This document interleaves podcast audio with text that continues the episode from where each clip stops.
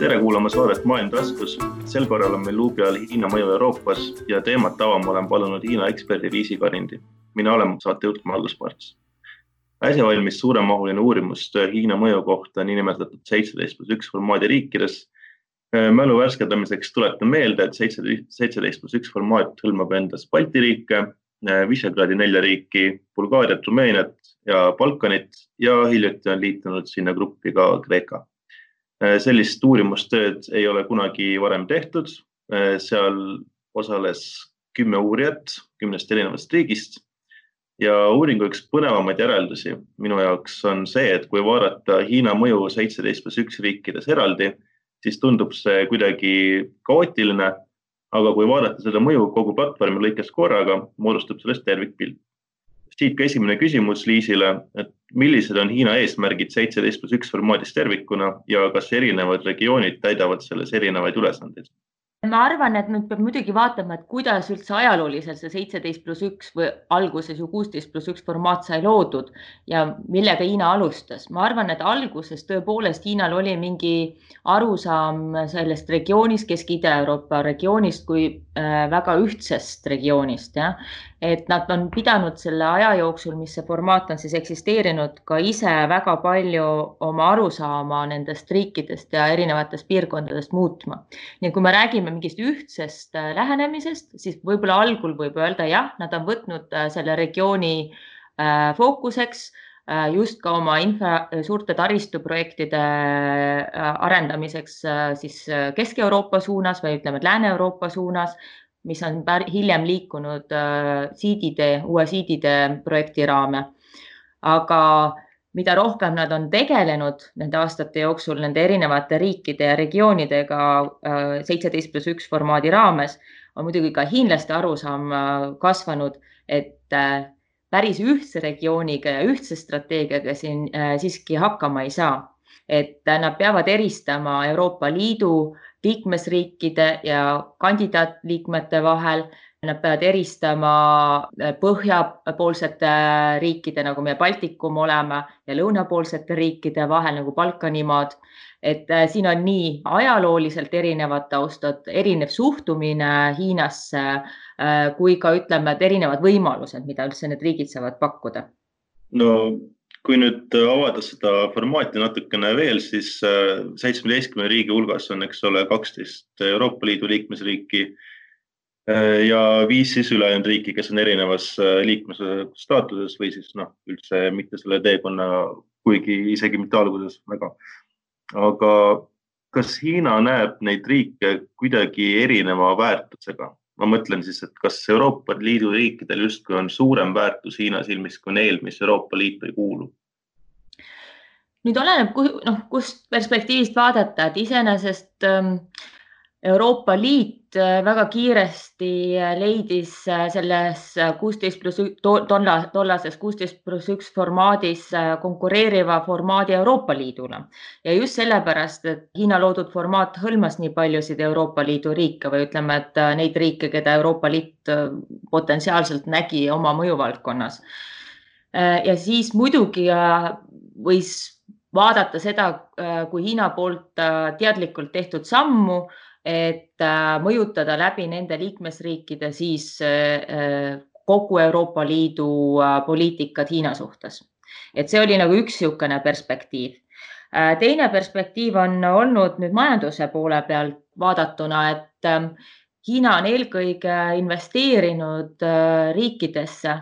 millel on väga tugev majanduslik side teiste suuremate Euroopa Liidu riikidega nagu Saksamaa näiteks. Aga siin on ka üks põhjusteks just toodud välja, et äh, esiteks äh, on need riigid äh, juba tugevalt siis integreeritud Euroopa-Hiina vahelisse kaubandus väärtusahelasse nii to to tootmispoole pealt, sest ka Saksa ettevõtted või ütleme, et suuremad multi, multi jah, ütleme siis mitmerahvuselised korporatsioonid on äh, ise nendesse riikidesse investeerinud, et seal osaliselt toota, siis läbi Saksamaa näiteks see tootmine siis Hiina eksportida. nii et noh, hiinlased vaatavad omalt poolt jälle, et ahah, et need riigid on usaldusväärsemad investeeringuks kui mõned teised riigid, mille kohta nad võib-olla nii palju ei tea, jah, mida nad ei ole näinud ennem niisugustes väärtusvaheletes osalevat kui Peking on öelnud järjepidevalt, et seitseteist pluss üks formaat on olemuselt apoliitiline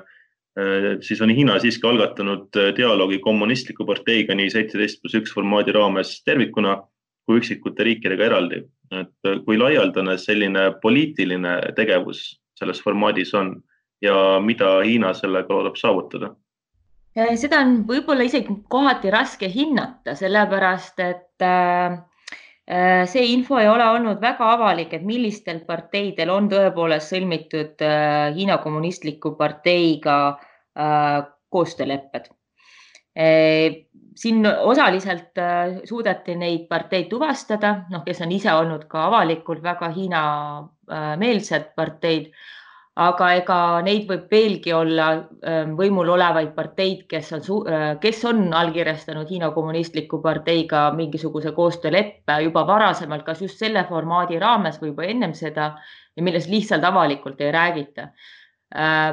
sest noh, ütleme niimoodi, et teatud riikides nagu ka meie Balti riikides oleks äh, see vägagi tabuu, kui see oleks äh, sõlmitud kommunistliku parteiga selline kokkulepe, et meie, meie näiteks poliitiline maastik oleks selles suhtes palju tundlikum. aga äh, mida Hiina sellega proovib saavutada, on muidugi mingil määral läbi niisuguse poliitilise poole samuti omada siis mõjuvõimu või, või ütleme, et Äh, saada tunnetus, äh, mis toimub nendel poliitmaastikel, luua siis allianse juba, noh, kusjuures siin ongi nüüd küsimus, et kas, kui äh, need alliansid on seotud varasema perioodiga ja näiteks olukorrad muutuvad, ka Euroopa Liidu äh, enda poliitika muutub, et mis siis need parteid teevad, et kas nad jäävad truuks just siis Hiina kommunistliku parteiga äh, sõlmitud kokkulepetele või niisugusele koostöö äh,, koostööleppele või muudavad nad ise millalgi meelt ja taganduvad sellest ko koostöökokkuleppest. et eks siin on ka niisuguseid küsimuskohti veel tegelikult palju, sest seda nii avalikult uurida ei saagi võib-olla, kui võiks eeldada, et poliitilised äh, koostööd muidu on väga avalikud või majanduslikud koostööd või haridusalased koostööd, aga seda on natukene raskem äh, jälgida. No seda enam tekitab see kahtlusi, eks ole. ja täpselt, et sellepärast ka paljud seda väga avalikult ei taha noh välja tuua, kui neil isegi niisugune koostöö on mm. -hmm. no samas uurimuses on märgitud, et äh, Balti riigid näiteks on saanud üha enam Hiina poliitilise mõne sihtmärkideks, et äh, oskad sa seda laiendada kuidagi? sinna on välja toodud just Leedu äh, juhtum. iseenesest äh, noh, me Eestis ei ole väga täheldanud selliseid äh, suuri konflikte, noh, Leedu puhul tuli see konflikt välja just meie Balti keti seostamisega Hongkongi protesti, protestidega, jah, et see tuli nii ütleme, et intsident juhtus Leedus, aga tegelikult oli see Eesti-Balti kett või ütleme, Eesti, Balti kett oli ju äh, sümbolina kasutuses ka Hongkongis, äh, kus äh, noh, kritiseeriti ka Hiina avalikku või ütleme, et meediakajastus siis sellest, et kui öeldi, et Hongkongis, et et tegelikult peale iseseisvumist on Balti riigid sattunud majanduslikult ja eluoluliselt palju halvemasse olukorda, kui nad olid Nõukogude Liidu ajal. jah, et see oli samamoodi Äh, äh, kriitikal see äh, väide just sellel põhjusel ka, et hiinlased ise tahavad väga, et neist räägitakse nii-öelda tõepäraselt ja samas nad kasutasid ise Balti keti kajastamise puhul sellist ebatõest väidet. Ja Leedus läks asi konfliktseks just seetõttu, et seal oli siis Hongkongi protestijate pooldajaid ja välja ilmusid nende vastu siis äh, Äh, Hiina, äh, Hiina, ka Hiina saatkonna ja, ja meediakanalitega seotud äh, nii-öelda vastased. sinnamaani välja, et nähti ka suursaadikut selles konfliktis osalevat ja see muidugi tekitas suuri pingeid Leedus, et äh, muidugi kutsuti selle peale suursaadik kohe välja ja, ja äh, noh, Hiina sai tugeva kriitika Leedu valitsuse poolt selle äh, noh, selle osaluse pärast ja selle tekkinud olukorra pärast. kui nüüd otseselt hinnata, siis kui palju tegelikult see poliitiline tasand mõjutab ikkagi seitseteist pluss üks formaadi muid aspekte, et noh, me teame ju väga hästi, et kohtumine näiteks Dalai-laamaga on täiesti keelatud, eks ole, Taiwan'i küsimust tuleks mitte arutada, uiguuride osas tuleks suurt kinni hoida. et kas sellised asjad ikkagi tegelikult mõjutavad ka neid majandussidemeid? no on siin olukordadest olnud küll, et kes Dalai-laamaga on ikka kõrgel tasemel või ametlikult kohtunud, et peale seda ütleme, et kaubandusteemadel läbirääkimised enam nii edukalt ei lähe või üldse ei lähe enam kuskile, et seda on ka Eesti tunda saanud. aga võib-olla seda ei tasu ainult selle formaadiga siduda, sest nii on see olnud äh, suhetes Hiinaga kogu aeg ja see on ka väljaspool meie formaati, et võib-olla suurematel riikidel on äh, seal seda mänguruumi äh, olnud rohkem, kuna nad on lihtsalt tähtsamad kaubanduspartnerid olnud Hiinale kui meie. samas võib meie puhul, väiksemate riikide puhul, kellel ei ole ju majandused nii Hiinast sõltuvad, kui näiteks Saksamaa majandus on või, või mõne teise riigi majandused siin Prantsusmaa et samas võime meie jälle olla natukene ka rahulikumad, sest isegi need sanktsioonid, äh, need ei pane ju meie äh, majandusele sellist äh, põntsu.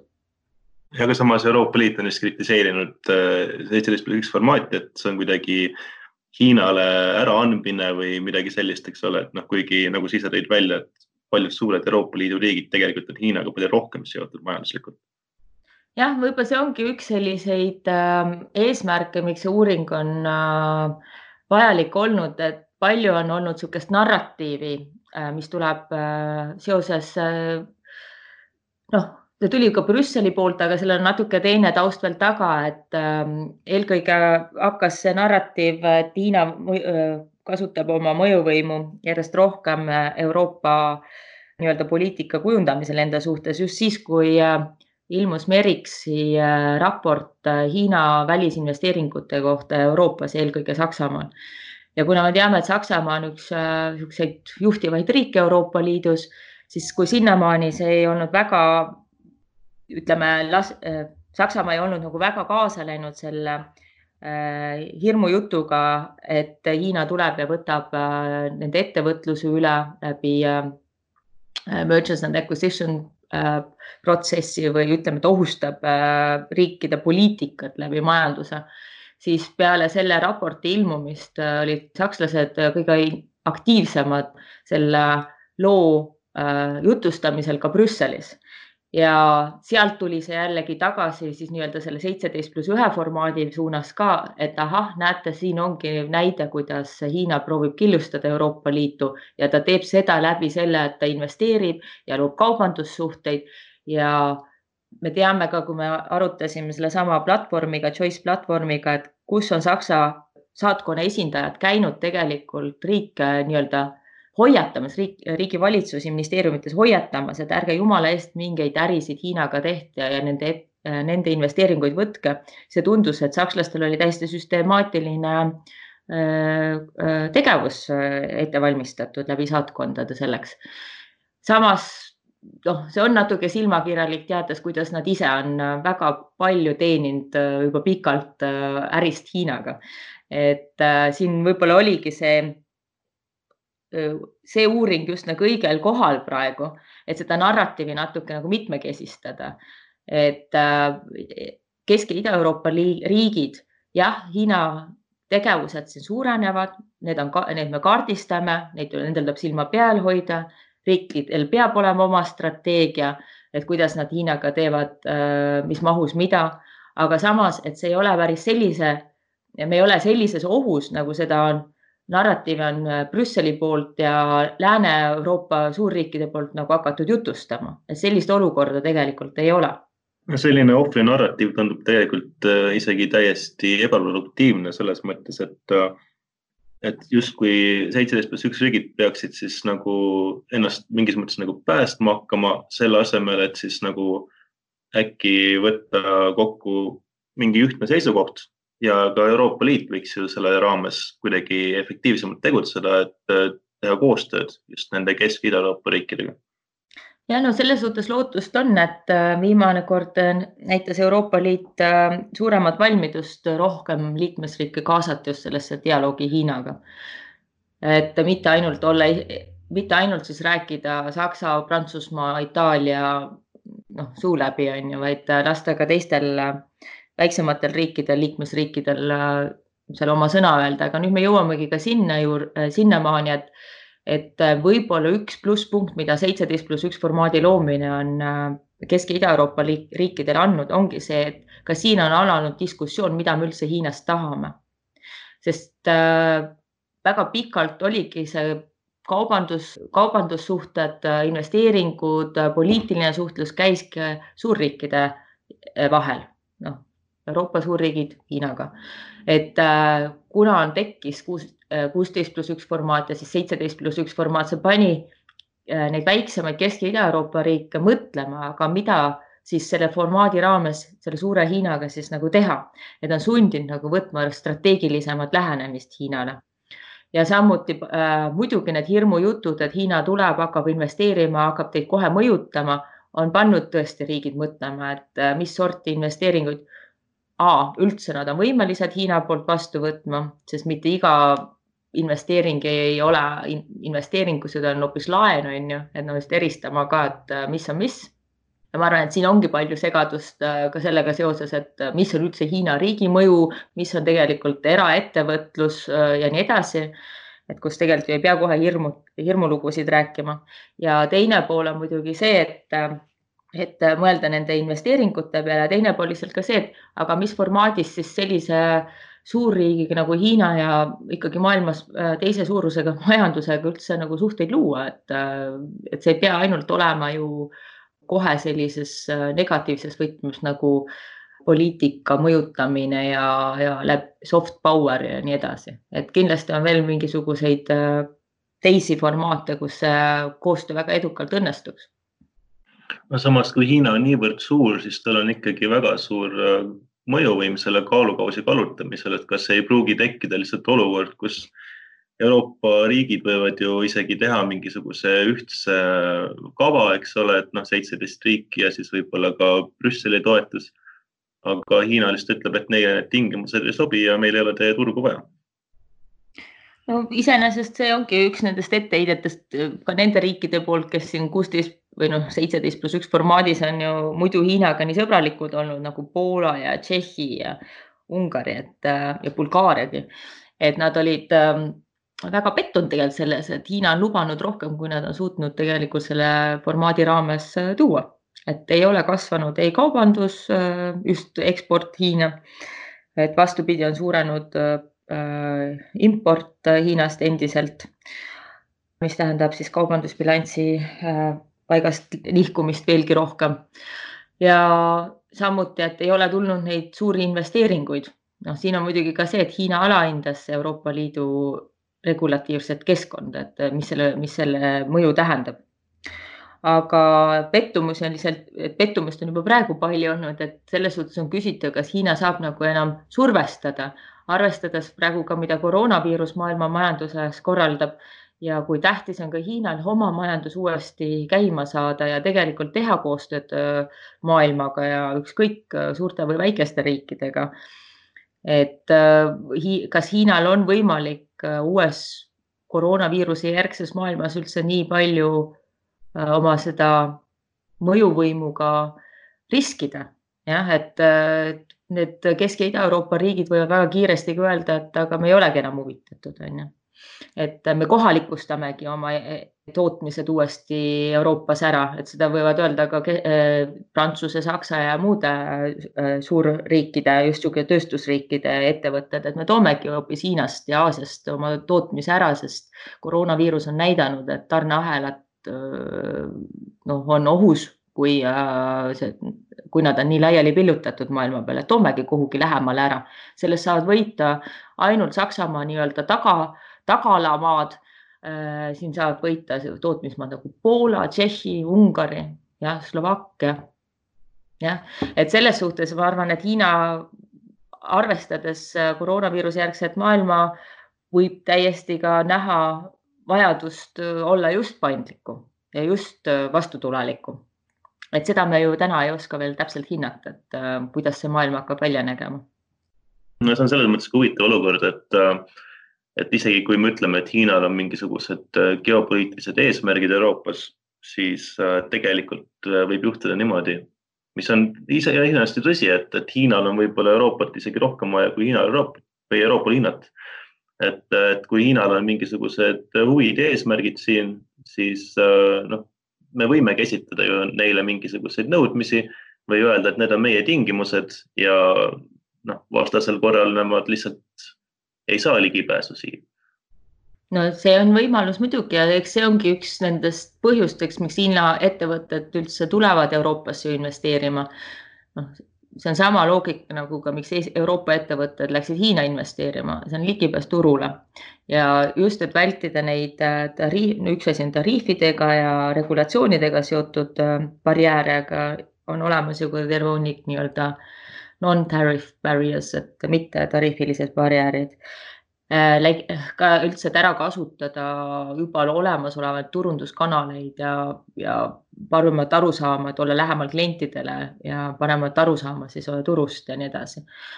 et äh, ma arvan ka, et nii nagu Hiina jaoks on tegelikult Euroopa olnud turg, kus ta on saanud õppida ja oma ettevõtetele anda uusi võimalusi areneda nii on ka tegelikult olnud ju tegelikult Euroopa ettevõtetele Hiina turg väga huvitav ja oma ta, suureneva tarbijaskonnaga väga vajalik turg. nüüd on lihtsalt küsimus, et kus see tootmine on kindlustatum, et just kui me räägime sellest tarneahelate teemast, et siis kindlasti ettevõtted hakkavad vaatama, et äh, kus neil on lihtsalt mõistlikum äh, toota või kus tootmist hoida juhuks, kui võiks juhtuda järgmine selline äh, pandeemia näiteks on ju. no lisaks tootmisele ja kaubandusele on ju väga suur äh, faktor ka vöö ja tee projekt. jah. no see on nüüd seotud eelkõige jah, selle taristu ehitamisega, mis peakski just aitama Hiinal Euroopasse äh, rohkem, rohkem siis jah, niisuguseid kaubateid ehitada üks eesmärk on ühelt poolt muidugi eksportida Hiina enda üle või noh, võimekust siis äh, ehit, ehitusvaldkonnas, et neid äh, taristuprojekte ehitada. teine pool on see ka, et muidugi Hiina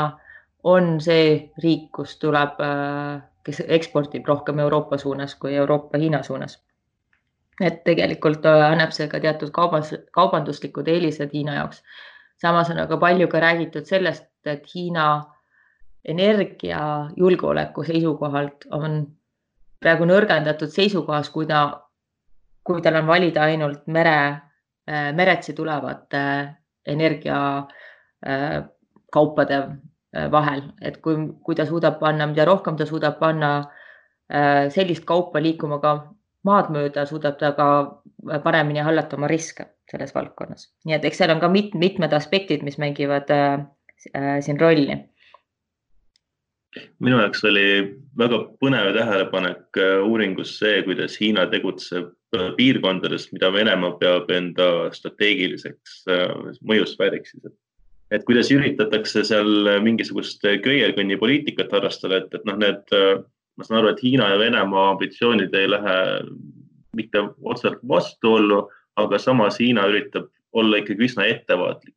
jah, ega selles suhtes juba, kui Hiina hakkas seda formaati kokku panema ja nuputas, et millised riigid äh, siis sinna potti pista.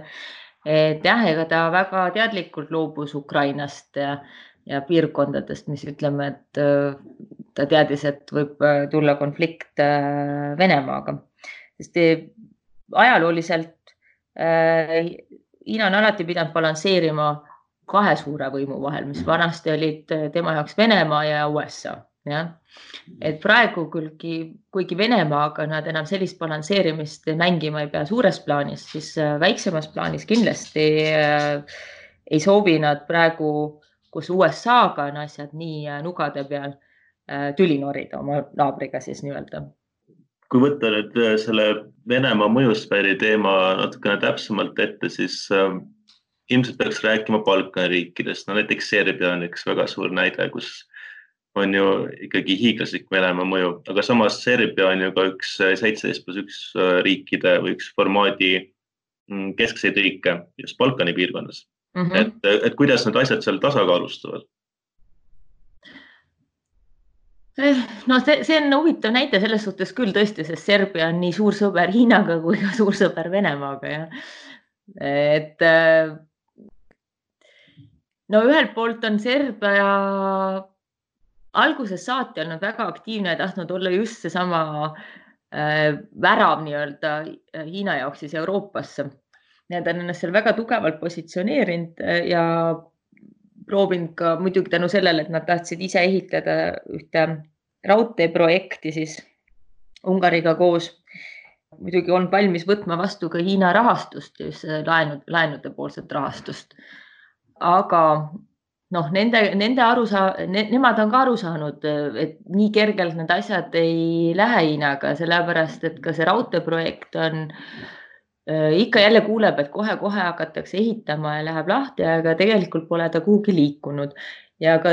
oli palju kriitikat just sellepärast, et see raha, mis selle raudteeprojekti jaoks äh, sai äh, laenutatud, et väga kiiresti jõudis, saadi aru, et seda oli, seda oli veits liiga palju selle projekti jaoks, jah et noh, alati on ka see sellistes riikides see küsimus mida võib-olla Eestis natuke vähem küsime, mis puudutab siis korruptsiooni. et nagu me ütleme, et on erinevad ärikultuurid ja mingites riikides on Hiina viis läheneda võib-olla teretulnum kui teistes riikides. ja noh, siis kui me mõtleme nüüd sellelt baasilt, siis võib ka vaadata, kui on tehtud tehinguid Hiinaga. võime rääkida ka see Tšehhist siin et äh, kuidas,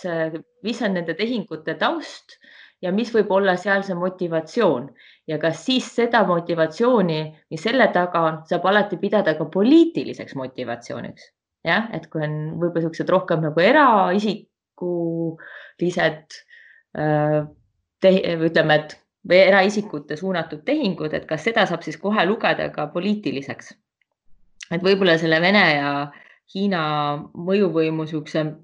teemaga Serbias võib ka natukene vaadata sinna nurka, mida see uuring nüüd otseselt ei käsitle, aga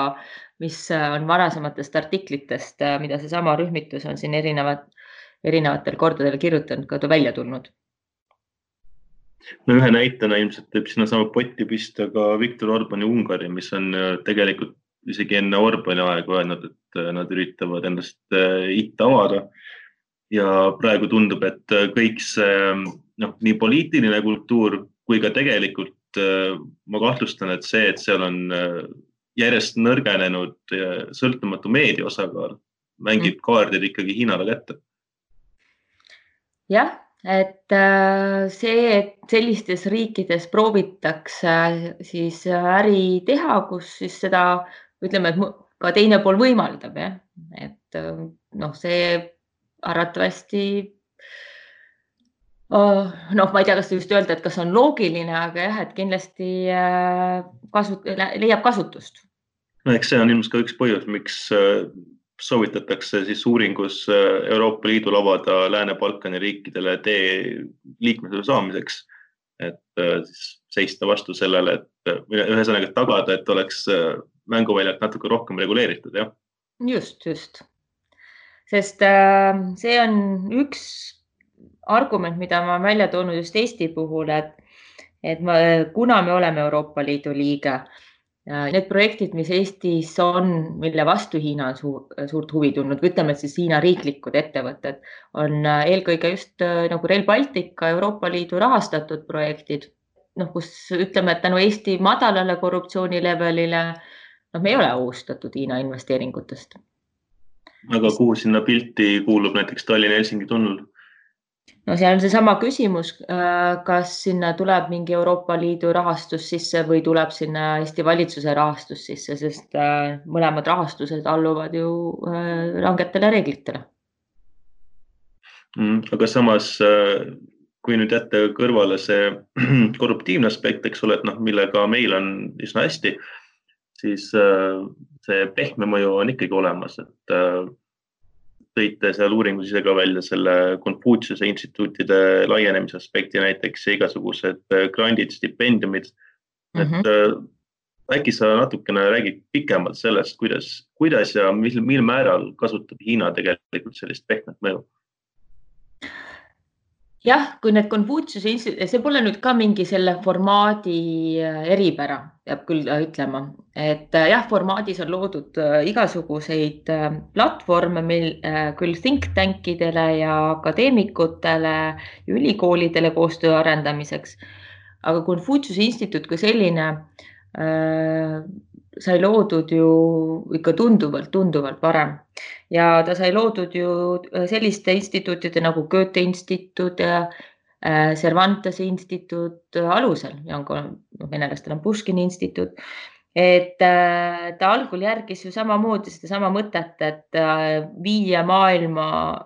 ja tutvustada maailmas siis Hiina kultuuri ja keelt, jah. ja ega idee tuligi nagu öeldud siin teiste, teiste riikide näitel. Äh, kuna aga need Konfutsiuse instituudid on tugevalt seotud Hiina äh, saatkondadega, siis äh,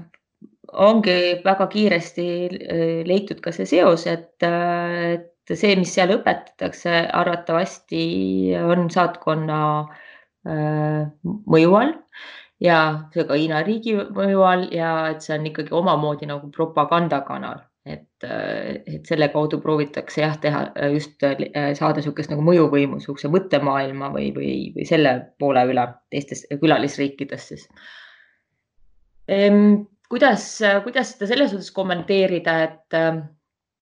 mis see, mis see uuring lihtsalt näitas, et kui seda nüüd sellest aspektist vaadata, et et kas nad on omamoodi nagu mingi salarelv, mida Hiina siis kasutab ja et kui palju see siis ohustab, vaadati tõesti, et äh, on tekkinud neid Konfutsiuse instituute igasse riiki, aga samuti tõi see uuring välja, et võrreldes nüüd sellega näiteks, kui palju neid on äh, siin Lääne, äh, Lääne-Euroopa riikides, et kui palju on seal tehtud Konfutsiuse instituute ja nii edasi, et tegelikult jälle Kesk- ja Ida-Euroopa on siin nii-öelda tagasihoidlikumad olnud nende laiendamisega või nende, ütleme, et äh, siis äh, jah ne,, neile nii-öelda võimaluste pakkumisega, tekkevõimaluste pakkumisega. ja teine pool on see, et äh, muidugi, kui Hiina omapära on see, et nad äh, viivad oma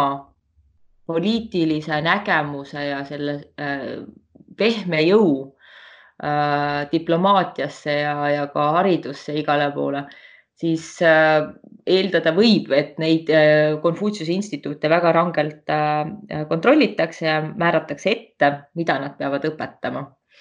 aga samas, kui vaadata seda poolt, et nad on tihti ainukesed asutused, mis õpetavad hiina keelt ja nii edasi, et kes, kui nüüd vaadata lihtsalt seda võimalust, et, et selle kaudu saab õppida ju ka keele, kultuuri ja, ja, ja, ja Äh, kunsti kohta, on ju, et tihti on seal ka mingi kalligraafia äh, kursused ja Hiina tee joomise tseremoonia kursused ja nii edasi, et ta ikkagi tutvustab Hiinat äh, ka laiemalt. et, et seda ei saa ainult öelda, et see on nüüd mingisuguse pehme jõu põhivahend. et ma arvan, et ega see Konfutsiuse instituudiga noh Hiina, Hiina ei suudagi mõelda väljaspool seda, et, et, et nad mingil määral proovivad oma kultuuri ja oma seda mõju ja oma arengut maailmale näidata. Nende jaoks on see midagi ka, mida nad lihtsalt näevad kui midagi väga positiivset. ma arvan, Hiina poole pealt vaadatuna mõnikord raske aru saada, et äh, demokraatlikes riikides mõned võtted, mida nad kasutavad, äh, ei ole vastuvõetavad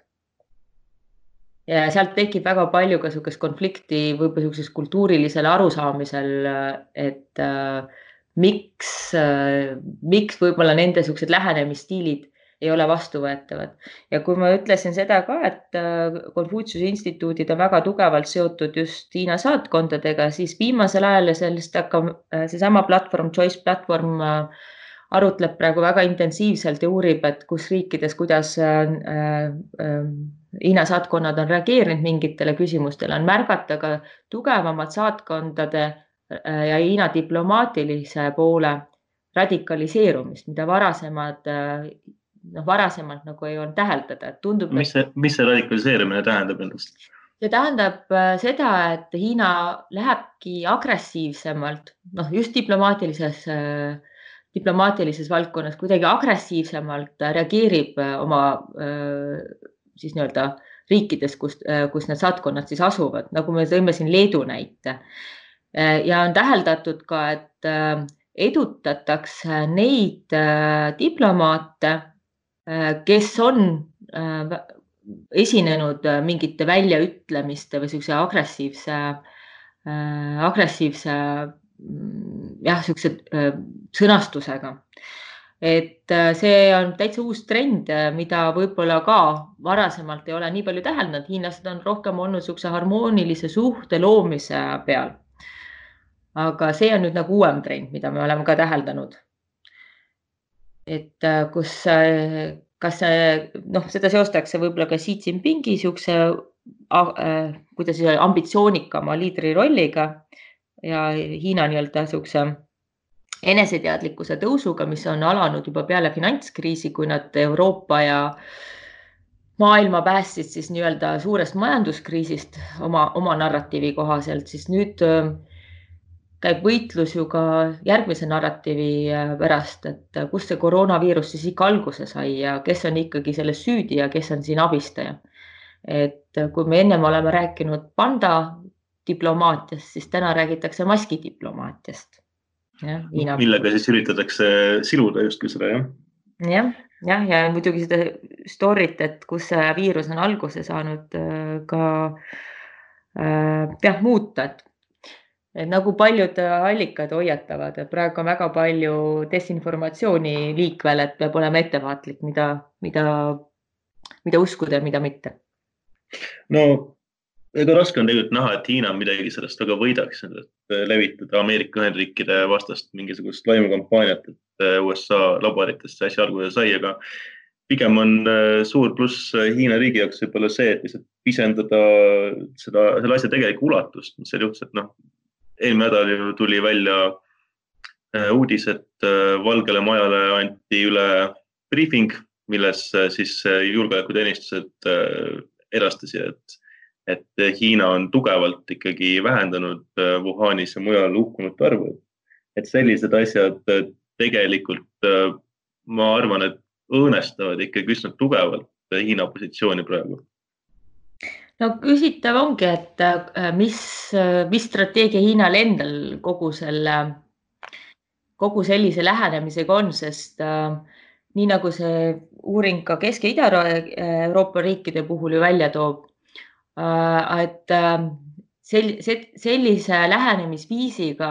ei saa Hiina ju endale mitte sõpru juurde, vaid ta tegelikult saavutab selle, et Hiinast veelgi rohkem kaugenetakse jah, et mitte see, et nagu, et kui tahetakse õppida Hiina keelt, kultuuri ja saada paremini aru Hiina ajaloost, siis äh, kui Hiina hakkab kasutama selliseid meetmeid,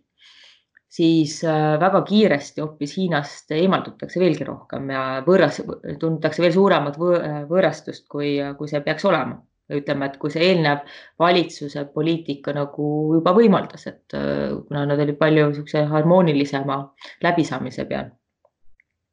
ja eks tundub, et, et Hiinal võib-olla just oli seetõttu ka suur kaalukausi eelis, et, äh, et kõik see oli uus ja, ja Euroopa riigid ei osanud seda mõju võib-olla väga adekvaatselt hinnata, aga nüüd, kus aeg läheb edasi, siis on muutunud koostöö paremaks, on muutunud see perspektiiv palju selgemaks, kuidas Hiina tegutseb.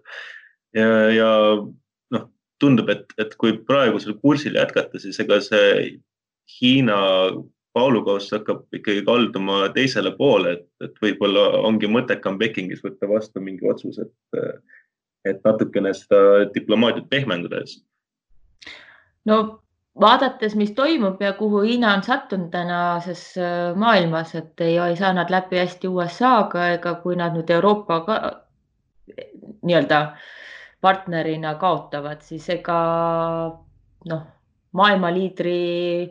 rollist võib ju siis unistada, et, äh, et äh, siiamaani nad on aru saanud, et nad on olnud osa just globaliseerunud ühisk- või maailmast ja majandusest, siis võib-olla see just seda koroonaviiruse, viiruse järgset maailma arvestades, kus riigid hakkavad rohkem jälle vaatama, et oma riiklikke huve ja, ja julgeolekut ja regiooniti suudetakse võib-olla siiski veel öelda, et me peame koostööd tegema ja hoidma veel piirid lahti üksteisele. aga Hiina võib väga kiiresti siis jääda kõrvale, jah. ja kas see on siis midagi, noh, mis oleks neile kasulik, et võib-olla see ongi see koht, kus Hiinal jah, võib-olla tasuks natuke mõtiskleda selle üle suur tänu, Liisi, sulle. tõmbame sellega saatele joone alla. aitäh kuulamast ja järgmise korrani. aitäh kutsumast